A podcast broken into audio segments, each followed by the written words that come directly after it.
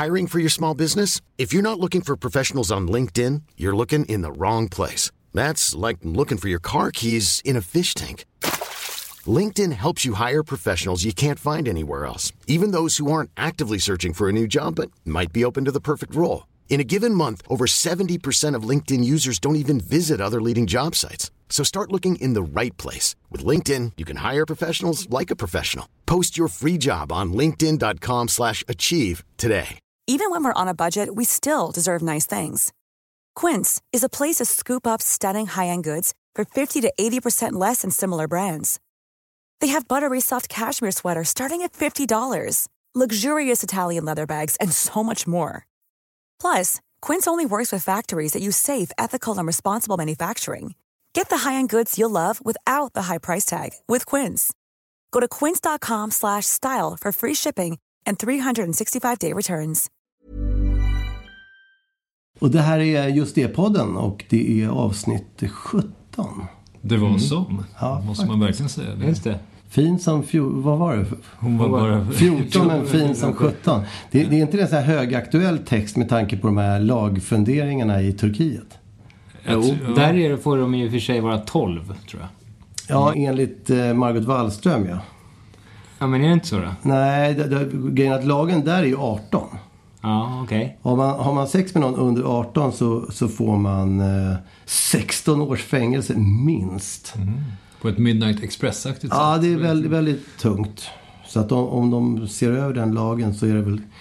Eh, ja, det är, väl- det är väl bra som Sverige har tycker jag. Att, att man... 15. 15. Ja. Ja, men 15 och sen att man framförallt gör någon slags åtskillnad kring om det är en situation där någon är fyra år. Det är ju... Ja, det måste ju fin- Finns det ingen nedre... Det här 12, var, var har man fått det ifrån då? Finns det ingen nedre gräns så att säga? Nej, jag, jag, tror att, jag tror att det, i, i Turkiets fall så var det något eh, aktuellt fall där man på något sätt började ifrågasätta om det skulle vara lika allvarligt att och, eh, ha sex med någon som var, ja men låt säga 14-15 som med någon som är två. Och jag tycker nog att det är bra att det är en distinktion alltid. Ja. Verkligen. Just 15 med tanke på pubertetens ankomst. Ungefär där känns ju som en ganska rimlig gräns. Det är väl bra att man har någon form av rättesnöre. Ja, verkligen. Ska man sätta en övre gräns också när man ändå är igång? Nej, men det som är intressant tycker jag, det är så här... Eh, jag menar om någon är 16 och har sex med någon som är 14. Och eh, you're looking at one of them. För när jag var 16 var jag ihop med en tjej som var 14 och hon var väldigt, var mer utvecklad än vad jag var. Alltså vi var två barn, både hon och jag egentligen. Och det förekom väl någon form av lättare petting. Och faktiskt den som jag också låg med första gången. Då hade hon visserligen fyllt 15 men, men det var ändå så att det var lite, lite tisseltassel där innan. Eh, Och jag känner inte att jag var kriminell. Ingen child molester. Nej men jag tycker att, att det, det måste ju ändå vara, om någon är låt säga 50 eh, och har sex med någon som är 19. Då är det visserligen lagligt men det känns väl sådär va? Gör inte det? Jo, jo. Lite. Det finns en ekvation som, som min son lärde mig. Som är ens egen ålder genom två plus sju. Är det någon slags gräns? Ja men det är någon slags... Eh, Smärtgräns för... ja men vadå? Då Om du tar någon på 30. som är 20 genom 2 är 10 plus 7 är 17. Ja, funkar väl. Ja. Och i vårt fall Jag skulle så... landa runt 32 då helt enkelt. Ja, under 32 så börjar det... Då börjar det stinka till lite. Jag vet inte om din fru kommer plötsligt bli under 32. Nej, jag tror inte att det vänder. Kvinnor, hur gäller, applicerar man regeln även på dem? Det omvända är ju trots allt inte lika vanligt. Ja, det, börjar, det blir nog vanligare och vanligare, är min gissning. Men det motsatta skulle i så fall vara ens egen ålder gånger 2 plus 7. Eller minus 7 kanske man tar då. Ja. Det vill säga någon som, i mitt fall någon som är n- 93. sen, är, sen, är, sen är det klippt liksom. ja, det låter rimligt. Polisen kommer och hämtar mig. Hon var 94. Nej, men jag, jag måste nog ändå medge att jag är ytterst liberal egentligen med, jag menar om, en, om, om det är en dam på eh, 75 glada vårar som då av en händelse skulle träffa en, en, en toyboy i eh, 25-årsåldern så kan jag inte annat än att gratulera. Alltså är folk myndiga, där någonstans börjar jag tycka att eh, de får egentligen göra vad de vill. Ja, Oavsett om man är tjej eller kille. Ja.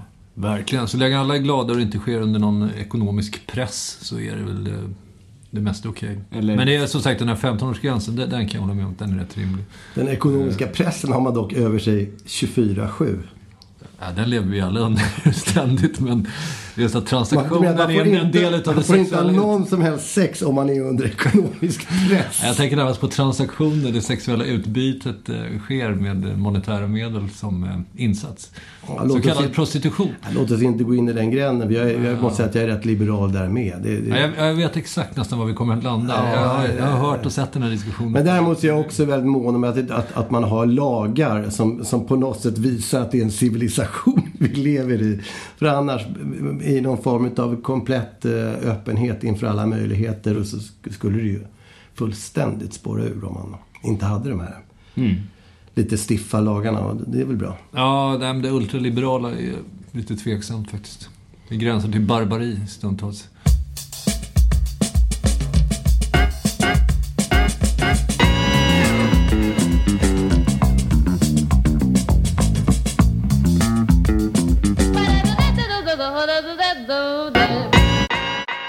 Har haft någon slags idé om att folk som är över, ja vad ska vi säga, 35-40 ska inte gå runt i någon sån här hippa t-shirts. Det är liksom för min son. Han, han gillar hippa t-shirts. Ja. Eh, Så jag har bara släppt det åt honom och fullständigt skitit i det. Hållit mig till lite så här skjortor och sådana grejer. En värdig klädstil. En värdig klädstil. Och sen så plötsligt igår så fick jag sånt jävla sug efter att nej, jag vill ha en t-shirt med sånt där hippt tryck på liksom. Och då gick jag som en liksom, målsökande robot mot närmsta eh, gränd på Söder. För det vet man att det ligger alltid någon sån här affär som säljer gympadojor, skateboard och t-shirt. Hippa grejer överlag. Och mycket riktigt så hittade jag den här som jag har på mig. Och eh, helt utan att blinka så, så bara köpte jag den. Och då insåg jag plötsligt att, att, vänta nu, jag har kommit ut ur tunneln igen. Alltså den här mörka tunneln där man är för gammal för att göra saker. Den varar liksom bara ett litet tag. Det var det, var det som min tanke. Att sen så är man, sen är man så jävla gammal så att det spelar ingen roll längre. Nej, man blir för gammal för att bry sig helt enkelt. Ja, man blir för gammal för att bry sig. Liksom. Därför att jag frågade faktiskt Rod, som då är 21. Om du kommer fram någon och säger så här, Yo grabbar, eh, vet ni vad närmsta hak ligger? Eller något sånt där. Så skulle ju ni tycka att det var pinsamt eh, om det var någon som var 40. Ja, det höll han ju med om liksom. Men, men inte om det är någon som är 80, frågade jag. Nej, sa han. Det, det, det är sant. Det skulle bara kännas crazy på ett skönt sätt. Ja, men var går brytpunkten liksom? Ja, precis. Den kritiska gränsen. Men det är väl måste det man håller på att utforska hela tiden, är det inte det? Jo, men- Man är ju liksom pinsam på många sätt jag. Ja, men då frågade jag honom och då sa han så här, men den går nog så här efter 50 någon gång. Då börjar det bli roligt. Ja, Ja, lite mer kanske. Jag skulle nog vilja plussa på till kanske en 55, 60 alltså. Ja, så kan det vara. Men För då kan man ju göra, då är man ju lite home free med vad som helst. Ja, jag vet inte. skulle se det som intimt sammankopplad med dödens närhet också. I takt med att flåsandet i nacken börjar komma från lie, då, då måste man ju faktiskt göra det man vill. Så om man har fått en sån här dödsdom, du Ja, kommer dö om det sex gamla månader. klassiska om du har ett år kvar att leva. eh, Klyschan har ju en viss relevans. Då får man ha hippa t-shirts på sig. Du har, får ha vad fan du vill. Så det- och det kanske är just en hipp t-shirt man... Men sen är ju aspekten också huruvida man bryr sig om andra tycker att man är fånig. Det är Ja. också en sak. För jag har ju liksom, hippa t-shirts är ju något av mitt Ja, jag- mellannamn. Ja, Alltså. verkligen. Jag har ju också försökt liksom gå runt i en t-shirt istället för skjortor. Just idag har jag faktiskt en skjorta på mig. Närmast påtvingad i den här follen från min fru som Mm. Ja, tycker att det är är mer värdigt. där, det Ja, där. Är det så? Nej, men hon tjatar hela tiden och så går jag runt i mina t-shirts och tänker ja, jag kanske ska anstränga mig lite för hennes skull någon gång. Det där, är, det där är ju ett hemskt plagg tycker jag i och för sig. Piké, pikéskjorta alltså. Ja, Det är väl trevligt. tycker jag inte det, ja. Är det din fru som har köpt den? Det är en födelsedagspresent. Inte helt oväntat. Av din fru? Ja. Eh, för hon är lite trött på de här t-shirts som då är riktade till lite yngre. som, jag, som jag har burit, ja, jag har burit dem sedan jag var 12 i. Så att det är, jag är konsekvent på det sättet. Fast inte nu längre. Då glider man ju osökt in på, på, på någon slags eh, tema som skulle kunna vara födelsedagspresenter som är pikar. Ja, just det. Kan den där räknas dit? Ja, Eller en, Nej, men det är inte pick, det är bara en knuff, en, väl, en liksom vänlig knuff i rätt Ja, riktning. Det är puff. det. alltså. Ja. ja. Ja. Nej, men det är verkligen, det kan ju vara eh, en dietkokbok till någon person som har några kilo för mycket och sådär. Det finns ju en uppsjö av möjligheter. Ja, eh, jag bara att- funderar på om jag har fått visa någon sån på vägen. sistone. Är den ultimata peakpresenten just en piké? Ja, retoriskt sett kanske. Ja. På ett semantiskt plan? ja, det borde ju gå att rimma. Men alltså presenter med egenintresse kan ju också vara fina. Till exempel eh, om man har- ska resa bort till någon en helg på landet och ta med sig en god flaska konjak. Som man vet att man kommer få njuta av själv. Ja, Det det, gör en ju både givare och tagare glada faktiskt. Så Att det, alltså det, det- fenomenet vi pratar om kallas för Homers bowlingklot. Ja, du har redan det finns en, en Ja, men det finns ju en sån Simpson när, han- när Marge till sin Ja, den, ja. Ja. skräckblandade förtjusning får ett bowlingklot. Just det, det, det, är, det är ett lysande avsnitt Ja, men så faktiskt. blir hon först lite glad därför att hon tänker att Homer vill att, att hon ska följa med och spela bowling. Men sen så passar fingrarna inte alls hålen henne. Hon inser att det är, nej, nej, nej, det är jag som ska spela. ja, det är humor från 91. Ja, men det är väl ungefär där vi Det tycker jag ändå är rätt färskt. För att vara... Fair enough. Ja, ja. Från oss. Jag hade en tweet här som var som följer. Vi som blev valda alldeles för tidigt i gymnastiken för att till fullo uppskatta Morrissey. Mm, jag tänkte, fin. ja, jag tänkte helt enkelt att man skulle, liksom, skulle prata lite om det där sambandet mellan sociala liksom, status i skolan och musiksmak. För det är alltid så otroligt, det hänger ihop så mycket tycker jag. Att liksom det är sådär, utan, de som är utanför, det är sån här Kent liksom. Även Håkan Hellström har det där, riktar sig alltid till liksom, det ska vara utanför. Vad är musiken för de som liksom blir valda först i gymnastiken? Följdfrågan blir nästan om hur många kan vara utanför med tanke på antalet utsålda Ullevi hos Ja, Håkan precis. Hellström. Det också Då måste nästan alla vara utanför. Ja, men då blir det- då i så, de i så fall en homogen massa som är en större majoritet än de som är innanför. Ja, exakt. Det var också subtiteln på den där tweeten, nämligen vi som inte fick vara med, de som var utanför. Man förstår ju hela tankegången absolut i det hela. Och, Ja, det är ju jättebra. jag liksom. tror nog säkerligen de flesta utav oss och nästan i stort sett alla människor har känt sig utanför någon gång. Nej, men det är bara så, liksom så påtagligt tycker jag i musik som blir populärt. Det är väl, så, det är väl med Winnerbäck också gissar jag. Jag har inte lyssnat så mycket på honom, men det är väl också sådär att man liksom... Men är inte det kulturens egentligen eh, sådär, huvudsakliga mål? Att få varje person som lyssnar, tittar, läser, upplever att känna sig utvald och träffad. Jo. Eh, Men det kan också vara en, någon slags kollektiv utvaldhet. Alltså det är många som känner sig utvalda och träffade. Ja, just Då det. har man ju någonstans lyckats väldigt bra. Ja. Men det känns ju som att då är ju den gruppen rätt stor, de som känner sig utanför. Så blir det ju. Ja. Eh, Jag vet inte hur många det var som tittade på Marilyn Monroe på, på duken och tänkte att hon tittar ju bara på mig. Ja. Men det var väl en begåvning hon hade. Ja. Att få folk att känna att här är, här är bara för mig liksom. Ja, för det är någonting som är intressant med det där liksom, som jag inte vet liksom var vi hamnar någonstans heller. Det där att, att försöka... Vi försökte ju med någon låt där, mm, den enda av dig vi har liksom. På plattan. Och göra någon slags liksom, försök till så här, stöd för folk som var deprimerade och självmordstankar. Och jag vet inte hur, hur väl vi lyckades liksom, om det har med avsändaren att göra. Om vi är för innanför, är vi liksom för innanför liksom? Vi, vi är rätt utanför fast på ett ocharmigt sätt liksom. Ja, Man, man måste ju på något sätt vara någon som är utanför som välkomnas in. Ja. Man, man, man får inte vara en sån som är utanför som folk gärna stänger dörren i ansiktet på. Som tycker det är behagligt att ha utanför. Verkligen. Man ska ju helst vara ute. Man ska ju vara eh, arbetarkillen i skinnjacka eh, som är, befinner sig på överklassskolan Ja. och kämpar i motvind mot attachéportföljer och Ja, mycket. Allen Men Penn. Springsteen har ju där också det där liksom, arbetar under liksom. Ja, men det är rätt sorts utanförskap. Ja. Eller ja, sitta och, ute i förorten och göra hiphop, det är också rätt I stort sett alla. Tom Waits har ju det också. Liksom, I Ja. stort sett alla man kan komma att tänka på, utom Ulf Lundell. I stort sett. Är han utanför? Han har, han har det definitivt Ja, också. Det är i allra högsta grad. Jag säger att det är, nästan norm i, i så kallad riktig rockmusik, att det ska vara utanför. Men jag tror vå- våran väg in en gång i tiden i sammanhangen var att vi plötsligt började stå för att vi var nördiga och ansågs töntiga. Eh, Det var ju, alltså de första två skivorna kan man säga var ju väldigt fina på det sättet tycker jag. Att, Ja. att jag tror att, att vi lyckades fånga upp en lyssnarskara som kanske kunde identifiera sig med de, de budskap vi levererade. Ja. Och att de dessutom var ärliga. Ja, just det. Men vi var ju utanför, alltså, på de, vi kanske kunde nästla oss in på de hetare festerna i Stockholm, men det, när vi väl var där så var det inte allt för många som ville prata med oss om Nej. våra låtar eller vår verksamhet. Men då måste vi på något sätt- då vi var där på nåder på något sätt. Ja, men då måste ju avsänd... Någonstans på vägen så måste ju vi som avsändare ha liksom tappat charmen. Nej, men jag, tror, Eller- inte- jag tror inte du till exempel, eller Peder för den delen, eller jag, jag vet inte. Eh, Men, men jag tror inte du vill in längre. Eller rätt sagt, du har kanske redan hittat din grej i den här Twitter.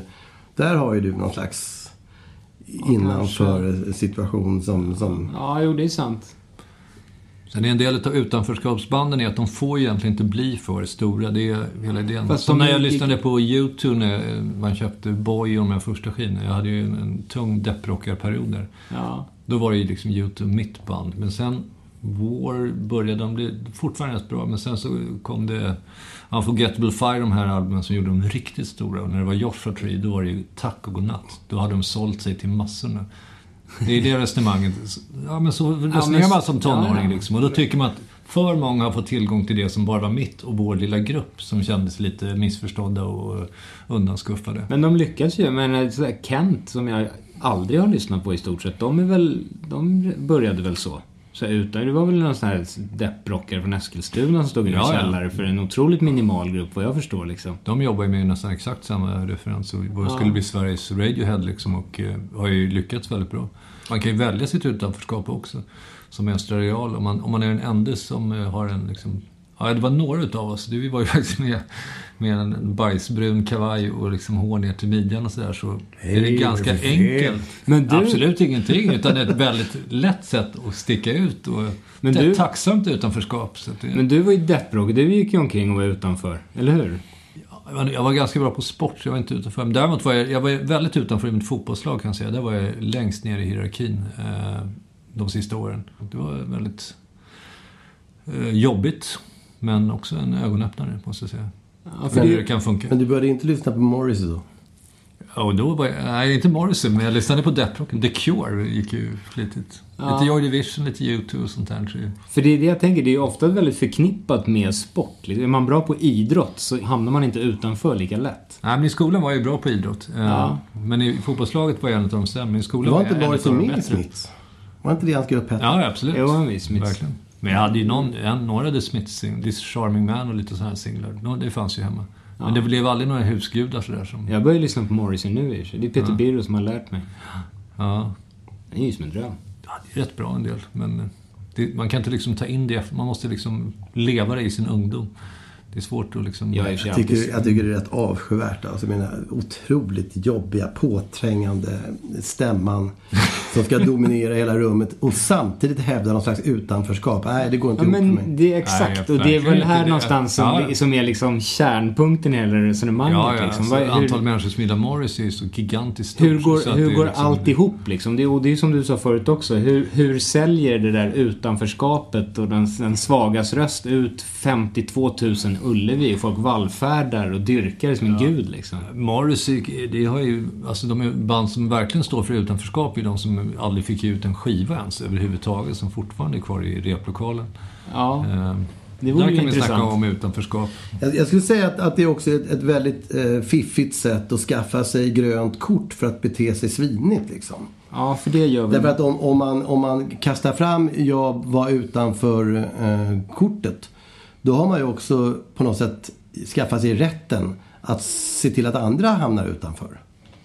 Ja. Det är liksom hämnden. Det blir någon slags rättmätig greven av Monte Cristo-hämnd. Liksom. Jag blev mobbad och därför får jag mobba.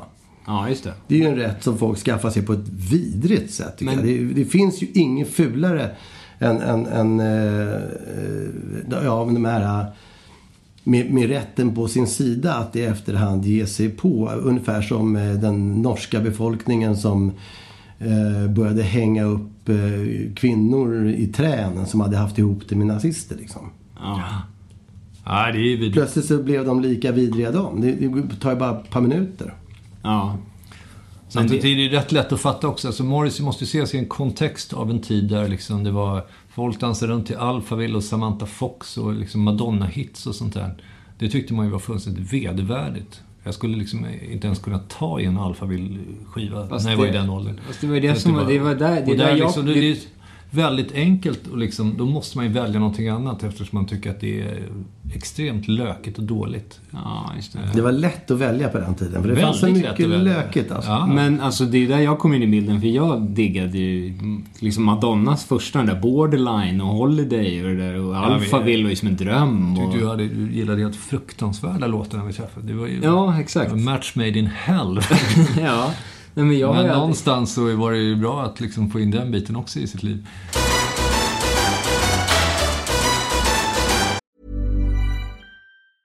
I'm Sandra, and I'm just the professional your small business was looking for. But you didn't hire me because you didn't use LinkedIn jobs. LinkedIn has professionals you can't find anywhere else, including those who aren't actively looking for a new job but might be open to the perfect role, like me.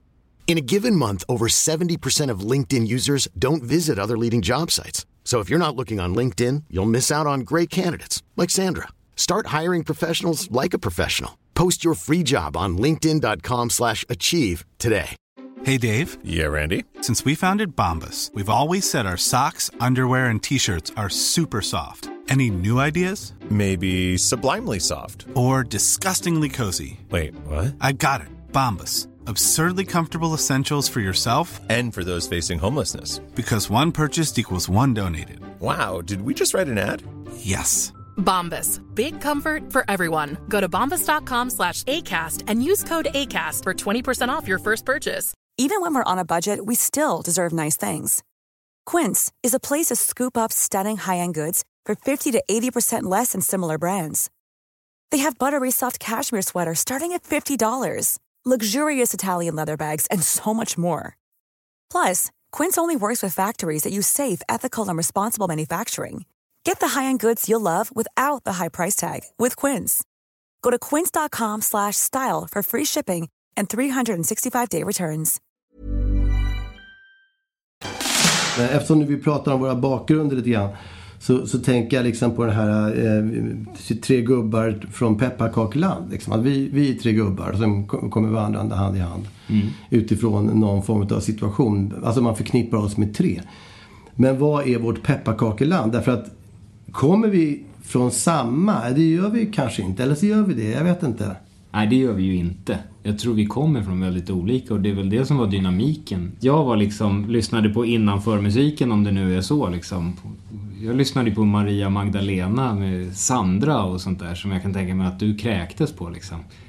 Ja, det är en underdrift nästan. Men Ja, precis. Och, och, och du hade väl liksom dina saker. och Det, liksom, det var väl den smältdegen som var rätt lyckad. Den tycker jag fortfarande, det är väl det som gör Jag lyssnar bara på riktig musik. Ja, du Precis. lyssnar bara på... Äkta, bara på riktig, äk, Neil Young. Neil Young. Pink Floyd. Ja, Ja. Och, och var Ulf Lundell, jag kommer ihåg att du och Klasse, ni var alltid lite före för ni hade mycket mer skivor än vad jag hade.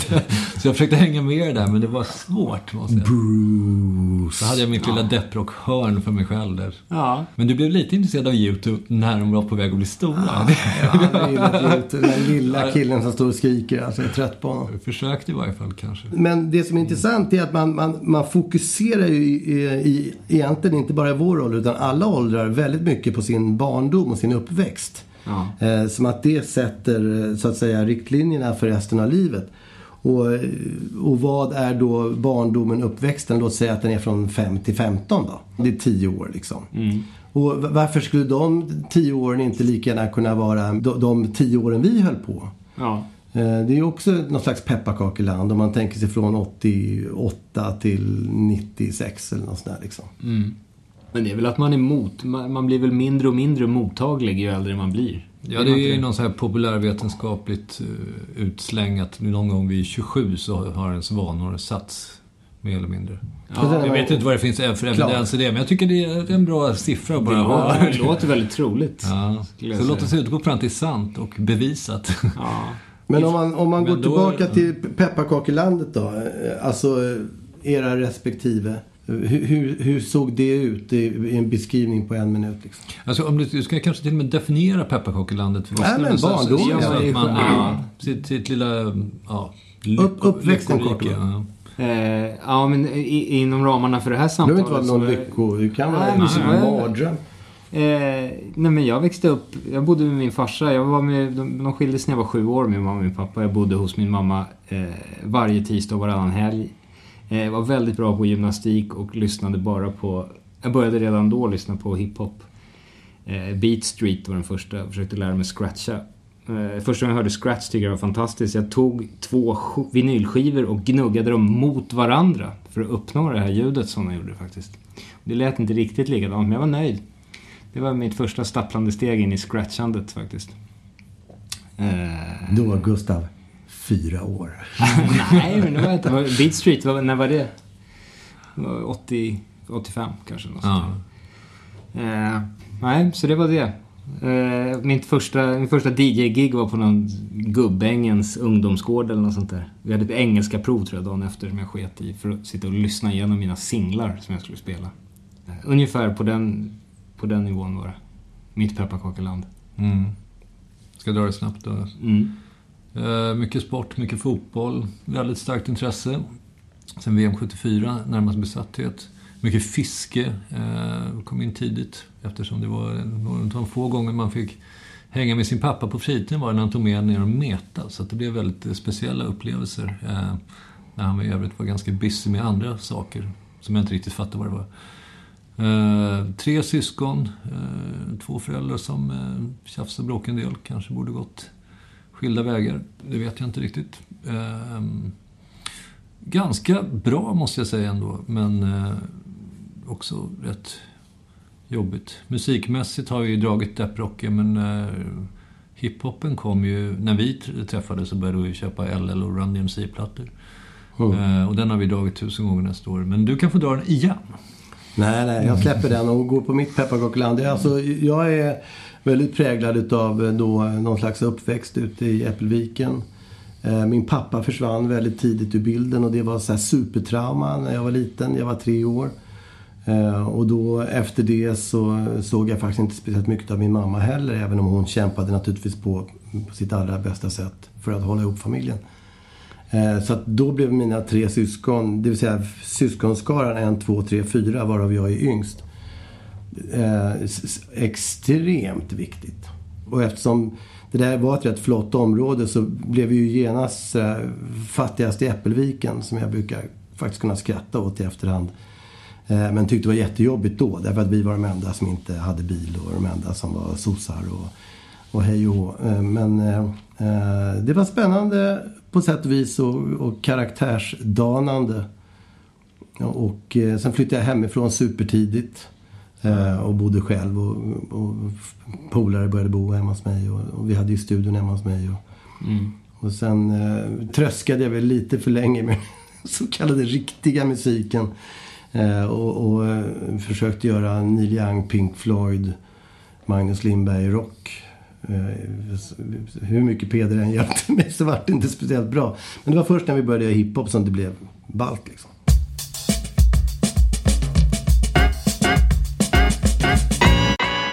Jag menar, är, är vi nöjda med var vi kommer ifrån där? Är, är det liksom... Vad, vad är det ska hela vi... historien? Ja, precis. Men det behöver man, alltså det är ju inte så mycket Det är ju som det är. Det spelar väl inte så mycket roll. Nej, men jag, jag tycker ändå att det är rätt intressant att man, att man som sagt tittar på sina tio första verksamma år från 5 till 15 som, som så extremt viktiga. Eh, och, och sen släpper kanske år som är, rimligtvis är ännu viktigare. Kanske de mellan 25 och 35 liksom. Ja. Och, och i vårt fall, de mellan 35 och, och 50 då. Att, där, man, där man också har en möjlighet att, att skaffa sig en, en, en bakgrund. Har man det fortfarande? Jag tycker nog att man har det faktiskt. Det, man tittar bara på folk som liksom startar sina karriärer Eh, det är, väl, det är väl ganska sällan egentligen man håller på att fokusera på deras barndomar. Utan det är väl ganska ofta just det. Vad gjorde de när, när... Det är väl ingen som pratar om oss annat än att vi var med i just det. Nej, men det var ju det man ägnade sig åt och det är väl på något sätt det som ligger en i fad. Jag vet inte, man hade ju kunnat, om man hade fortsatt, då hade man ju blivit, hamnat i någon sån här Bo Kaspers hjul som bara fortgår liksom. Och det hade man väl kunnat försörja sig på. Men frågan är hur lycklig man hade varit liksom rent som person och som konstnär. Och det där är ju liksom. hyperintressant. Ja. För att absolut, det hade väl gått och tickat på bara för att det är det man ska göra liksom och det drar in kulor men jag tror inte det hade varit så lyckat för någon av oss. Det är ju, jag, menar, jag brukar tänka ibland på Magnus Uggla som är en sån här person som verkligen har gjort... Från det att hans karriär rullade igång på allvar i slutet på 70-talet så har han ju egentligen konstant återkommit med massa olika moves för att hålla sig kvar Ja. i karriären. Och det har han ju gjort med den äran får man ju då säga. Liksom. Verkligen, storartat. Ja, men det är bara en stående ovation för det. Mm. Men det måste ju också vara någon slags förbannelse att vara kvar i, i det svarta krulliga håret och pilotglasögonen fortfarande. Ja, Eh, Exakt. Det blir ju en, en, en bur liksom. Ja. Och, och nästan alla artister strävar ju efter det. Med undantag för vissa klädsamma förnyelser var femte år liksom. Så det är ändå det som Orup eller Håkan Hellström eller egentligen vem som helst vill göra. Ser du vara kvar så länge som möjligt. ja. Eh, Ja, det normala är i alla fall att man är med ett tag och åker ut. Det, det gäller ju för de flesta banden. Ja, det är egentligen sundast. Ja. Det Men, och dessutom, Uggla väntar ju väldigt länge med att spela ut ärlighetskortet. Eh, Det vill säga liksom öppna upp och berätta. Det är ju först nu när han gör den här showen som han liksom, och har gjort en skiva som är personlig, som det heter. Som han faktiskt spelar ut det. Ja, i alla, Det- det- i alla fall på det kunna- sättet. Jag tycker han är- har, väl- har väl varit rätt ärlig från dag ett på sitt sätt. Men, men eh, jag förstår vad du menar. Ja, ja, men det är alltid, det är alltid en friserad ärlighet. Och det är det säkert, det är det nu också. Men det är ändå en, en eh, betydligt mer öppen ärlighet. Men har inte ni också börjat få en sån här... Jag har i varje fall börjat få en krypande känsla utav... Apropå det här med att jag plötsligt kunde köpa den här t-shirten igen. Eh, att, att, att man lever någon slags efterlivet. Att det är så här, okej okej nu, nu kommer efterlivet. Och det är någon slags skön liten slutsvans på det hela. Det som vissa brukar kalla pension. Nej, jag vet inte. Men, men det är en slutsvans på det hela och, och, och förhoppningsvis är den lång som en kometsvans. Jag vet inte. Men, men jag, jag försökte faktiskt för att eh, definiera för mig själv vad är ett efterliv. Eh, så ska jag tänkte bara kolla här om, om ni är med på det här resonemanget. Eh, och det är, man ser sig som gammal. Man är ganska nöjd med status quo. Ja, fast det har alltid varit. Så att det, ja. Man saknar framtidsplaner. Nej, det gör nog inte jag. Nej, de, är, de bygger ju helt kring pensionen. Och, och man tänker nedförsbacke. Att man är i nedförsbacken lite grann. Ja, jag vet inte. Ja, inte kanske. Ska man stå stilla där man står. Men Men det det, bygger är ju- lite samma sak. Det är ju att sakna framtids... Ja, men jag tänker så här att om, om, om du har... Om, om, om du har en, en adventskalender en, en, som är som en... Här har du lite olika luckor, fem luckor. Det, det kommer ske en förändring. Och är man då, låt säga pensionär, som har det ganska bra på massa olika sätt. Och man frågar den här pensionären, eh, vill du öppna en lucka? Imorgon kommer det ske en förändring. Eller vill du att det ska vara som det är? Nej, för i helvete kommer pensionären säga. Jag vill bara att det ska vara som det är. Därför att en förändring i pensionärens liv, det är ju cancer, en vän som har dött eller liksom. Det, det, det är så många saker som tar utrymme i förändringskalendern. Ja. Och, och, och, och jag tänker på en annan person, låt säga en yngre person som Steffo Törnqvist. Ja. Eh, han har ju ändå ett jävligt schysst jobb där på morgon-tv. Han får frottera sig lite grann med, med ungdomarna fortfarande. Lite så här äh, fräschör. Samtidigt som han har den här cigarr-imagen och njuter goda middagar. Om någon skulle fråga honom, här, här har du en förändrings-adventskalender. Vill du öppna en lucka bara på prov? Att det kommer en förändring imorgon. Eller vill du att det ska vara som det är? Då tror jag också han skulle säga, nej för helvete, jag vill att det ska vara som det är. Och där någonstans, men han är ändå bara 60 och vi är inte långt därifrån. Där tänk, så tänker jag mig att efterlivet ser ut. Liksom. Ja. Att, att man har upp, det, det har uppnåtts någon, någon slags situation där man känner så här. Hej, det, det är okej. Fast allt det där bygger på en social trygghet. Ska man fråga en 17-årig gatupojke i Bombay som knappt har mat för dagen om man vill uppnå en förändring så... Han kastar ju sig över förändringskalendern liksom. Ja, absolut. Så att... Eh, Men vad skulle ni göra om ni fick förändringskalendern framför er liksom? Skulle ni öppna en lucka? Men man vet, och man vet ju då inte helt enkelt. Nej, det är hemliga lådan. Du har inte en aning om vad den där förändringen innebär. Det kan vara en skilsmässa. Det kan vara eh, ett sjukdomsbesked. Men det kan också vara en, en, något plötsligt härligt. Eller... Men Då skulle man inte... Det här var ju en intressant terapi. Nu får man ju komma helt plötsligt till den fruktansvärda insikten att man är rätt nöjd med sitt liv. Ja, men jag, skulle nog säger inte- det. jag skulle nog inte- Efterlivet skulle jag kalla men det. var, varför är den insikten fruktansvärd? Det är väl fantastiskt att man är nöjd men jag har nog ändå liksom sett mig själv som någon slags strävan. Jag har så mycket som man vill göra liksom. Som projekt som man vill göra och liksom saker som är ogjorda och liksom prylar som ska fixas och dealas och flytta, kanske bo i Peking eller i Berlin eller liksom. Det finns ju så mycket saker som man vill göra. Så att det är ju det att man inte kan kontrollera förändringen som är lite jobbig liksom. Att man, att man får riskera att det Ja, kan vara en ja. katastrof. Det vill man ju inte göra liksom. För så pass bra har man det. Det kan ju vara ett tvåårigt eh, teaterjobb i Berlin. Ja, Och då är du där. Precis, men risken är att det inte är det. Testikelcancern. Ja, Ja, men det, det är ju en del utav efterlivet Mm. tror jag att om man har fem luckor som innebär en radikal förändring. Ja. Så kommer en utav de luckorna troligtvis innebära en sjukdom. ja, ja det är klart. Därför att det börjar bli så pass vanligt. Och ju äldre du blir desto fler luckor kommer innebära död, elände eller sjukdom. Exakt. Så att eh, den här viljan att inte öppna luckan är någon slags liten definition på efterlivet som jag ser det liksom. Hur känner du Nej inför... men återigen, alltså, oddsen avgör ju. Men skulle man chansa så... Oddsen vet ju inte ens. Nej, det är det det vet är- ju det inte som är ens, liksom. kusliga. Nej, vet ju inte jag måste, heller jag det måste vara ärlig med själv. Jag har, jag har faktiskt aldrig gillat förändringar. jag är extremt, eh, nästan reaktionär och väldigt KD-aktig i vissa beteenden. Jag kan nog Lite autistisk, ganska, jag kan inte säga gravt, men det finns vissa sådana drag som är påtagliga. Så att, eh, nej, jag hade nog stängt, jag hade bommat för den. Ja. Men om, om, om du gjorde en, eh, låt säga en raptext vars eh, refräng gick ut på inga förändringar. Skulle du, skulle du kunna skriva en 18 versers glödande sån? Om att, Eller skulle det vara en för stor förändring? att göra det? Att skapa det det här verket. känns jobbigt. jag gillar inte tanken. Det är ändå en ny låt som ska komma. Nej, okej. Men Jag bara ville, ville se hur pass mycket du brann för icke-förändringen. Nej, jag vet inte. Jag tror att det har nog att göra med faktiskt någon slags rädsla, apropå eh, pepparkakelandet som har funnits hela tiden. Rädsla för vad? För allt möjligt. Eh, som man har tampats med. Eh, någon sån där, det är nog det bästa jag gjort, att lära mig bli, att inte vara så rädd i varje fall och inte vara så känslig, utan att lära mig faktiskt bli lite hård. Det var nog min nyttigaste insats för mig själv i livet, måste jag säga. När hände det här då? Nej, men det har varit, jag var ju extremt känslig som liten. Men jag har liksom fått lära mig eh, hur jag ska hantera det.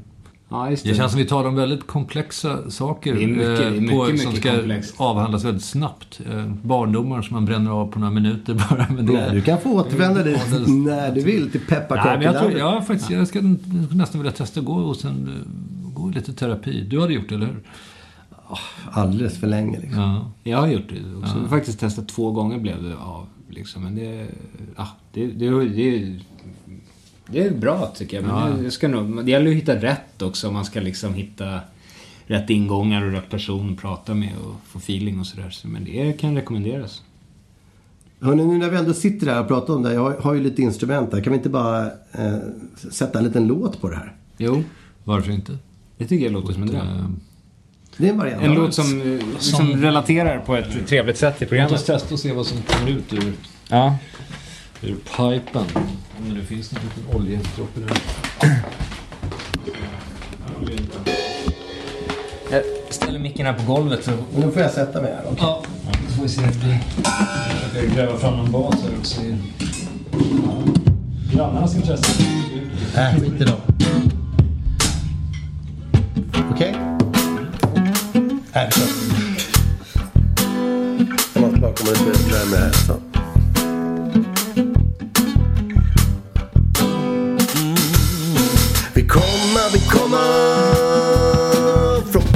Pepparkakelandet. Men hej, vad försvann det? Vi komma, vi komma från pepparkakelandet. Försvann det? Var kommer man ifrån? Det var så tydligt en gång som när man just köpte en grej och sparar kvitto och kartong. Men det skrynklas, gulnar och försvinner i tvätten. Man står och tittar ner en stund, sen spolar man toaletten och tvättar händerna från linjerna och ränderna. Så svårt att hitta tillbaka till pepparkakeländerna. En böljande, döljande, följande bakgrund. Men den får vara, låt oss ta och ha en bra stund. Vi komma, vi komma från pepparkakelandet. Men hej, vad försvann det? Vi komma, vi komma från pepparkakelandet. Men säg, vad försvann det? Det var så länge, länge sen Ändå färdas minnet än Till det pepparkakeland där man gör pojkar utav män Till en värld som var så liten Men ändå utan gränser Där sekunder utav liv formar hela existensen Jag var där och var där format bilder till en sköld Tiden är en tjuv, jag bara skyddar mig från stöld Så när nuet i huvudet blir för tungt Måste man få ett litet rus utav pikarna i dået Vi komma, vi komma från pepparkakelandet Men hej, vad försvann det? Vi komma, vi komma Från pepparkakelandet Men säg, vad försvann det? Jag satt den. Och med det så eh, går vi vidare i livet. Tänker jag. Vi vandrar hand i hand. Thank you for being with us. Vill ni skicka mail till oss så går ni in på justd.nu. Där finns även länkar till Instagram, Facebook och Twitter. Vill ni swisha en slant till vår kaffekassa så gör ni det på 070-779 8622. Och ni kan även stötta Just det-podd genom att bli månadsdonator på Patreon.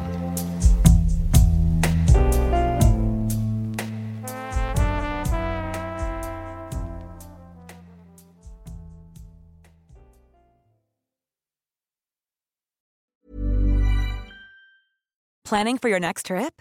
Elevate your travel style with Quince. Quince has all the jet setting essentials you'll want for your next getaway, like European linen, premium luggage options, buttery soft Italian leather bags, and so much more. And is all priced at 50 to 80% less than similar brands. Plus, Quince only works with factories that use safe and ethical manufacturing practices. Pack your bags with high-quality essentials you'll be wearing for vacations to come with Quince. Go to quince.com slash pack for free shipping and 365-day returns.